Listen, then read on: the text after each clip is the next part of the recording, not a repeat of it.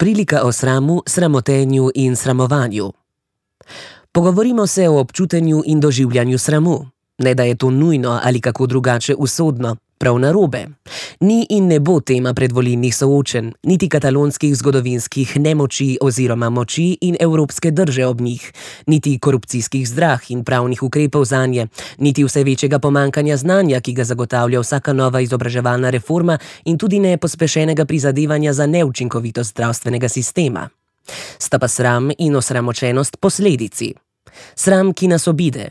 Sramota, za katero nismo krivi sami, Sramotenje našega uma in duha, kar nas vse doleteva ob branju in poslušanju razprav o zgornjih in mnogih drugih resnih zadevah, so občutenja, ki si jih blago razsvetljen človek na tihem prizna in postajajo vsakdanji del njegovega bolj ali manj zavednega nelagodja.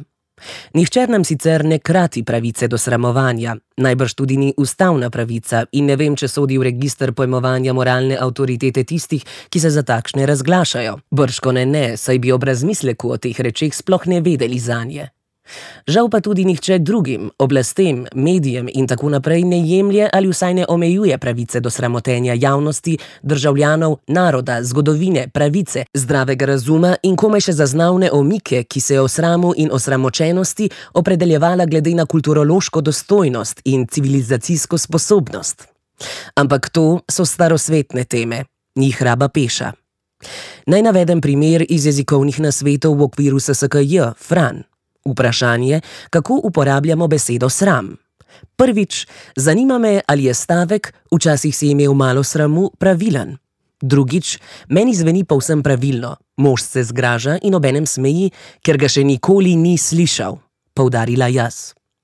No, mi pa smo vsak dan bolj sprijaznjeni s tem, da nam je kar naprej nekako nerodno zaradi besed, dejanj in ukrepov, ki jih oblast ali pa kapital ali birokracija izvajajo nad nami, in da nam je ta arhajični občutek osramočenosti vse težje priznati. Saj ja nočemo in ne smemo biti nesodobni, pa gre za del sedanje vsakdanjosti, ko pa vendar lahko vsakršni javnosti kritiziramo in psujemo, ne da bi nas bilo oziroma moralo biti sram. Saj ja ne smemo in ne moremo priznati, da tega starinskega občutenja nismo predelali na kakšni terapevtski šoli na poti do svoje popolne samopodobe, osebne rasti in notranje lepote. Saj nas mora biti sram, prosim lepo, če kdaj pojemo dober zrezek in v nedeljo zjutraj poležimo, namesto da bi tekali, kot da nam je vse fit uradništvo dursa za petami. A kaj, če se kdaj kdo oziroma marsikdo nelagodno, zasmehovano, posmehljivo, podcenjeno počuti ob kdorne skačeni slovenc, kot še neuradni narodni himni, ki izraža našo tako posebno narodovo bit in tako slavljeno identiteto? No, se je res pravzaprav posebna, brez modnega cinizma. Kdo pa se še hvali s poskakovanjem kot konstitutivnim elementom svoje nacionalne določenosti?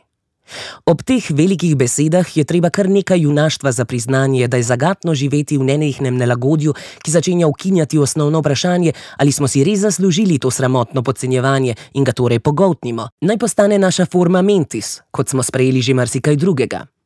Najboljše so pa pohane piške.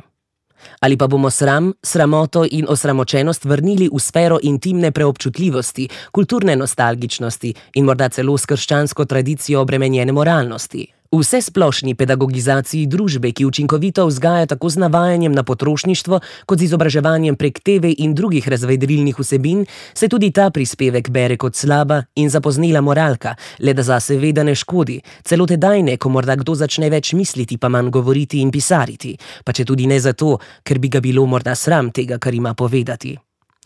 Zato je to prej razmišljanje o kolektivnem občutenju sramu, in izhaja iz pravice, da se upiramo lastni dobi.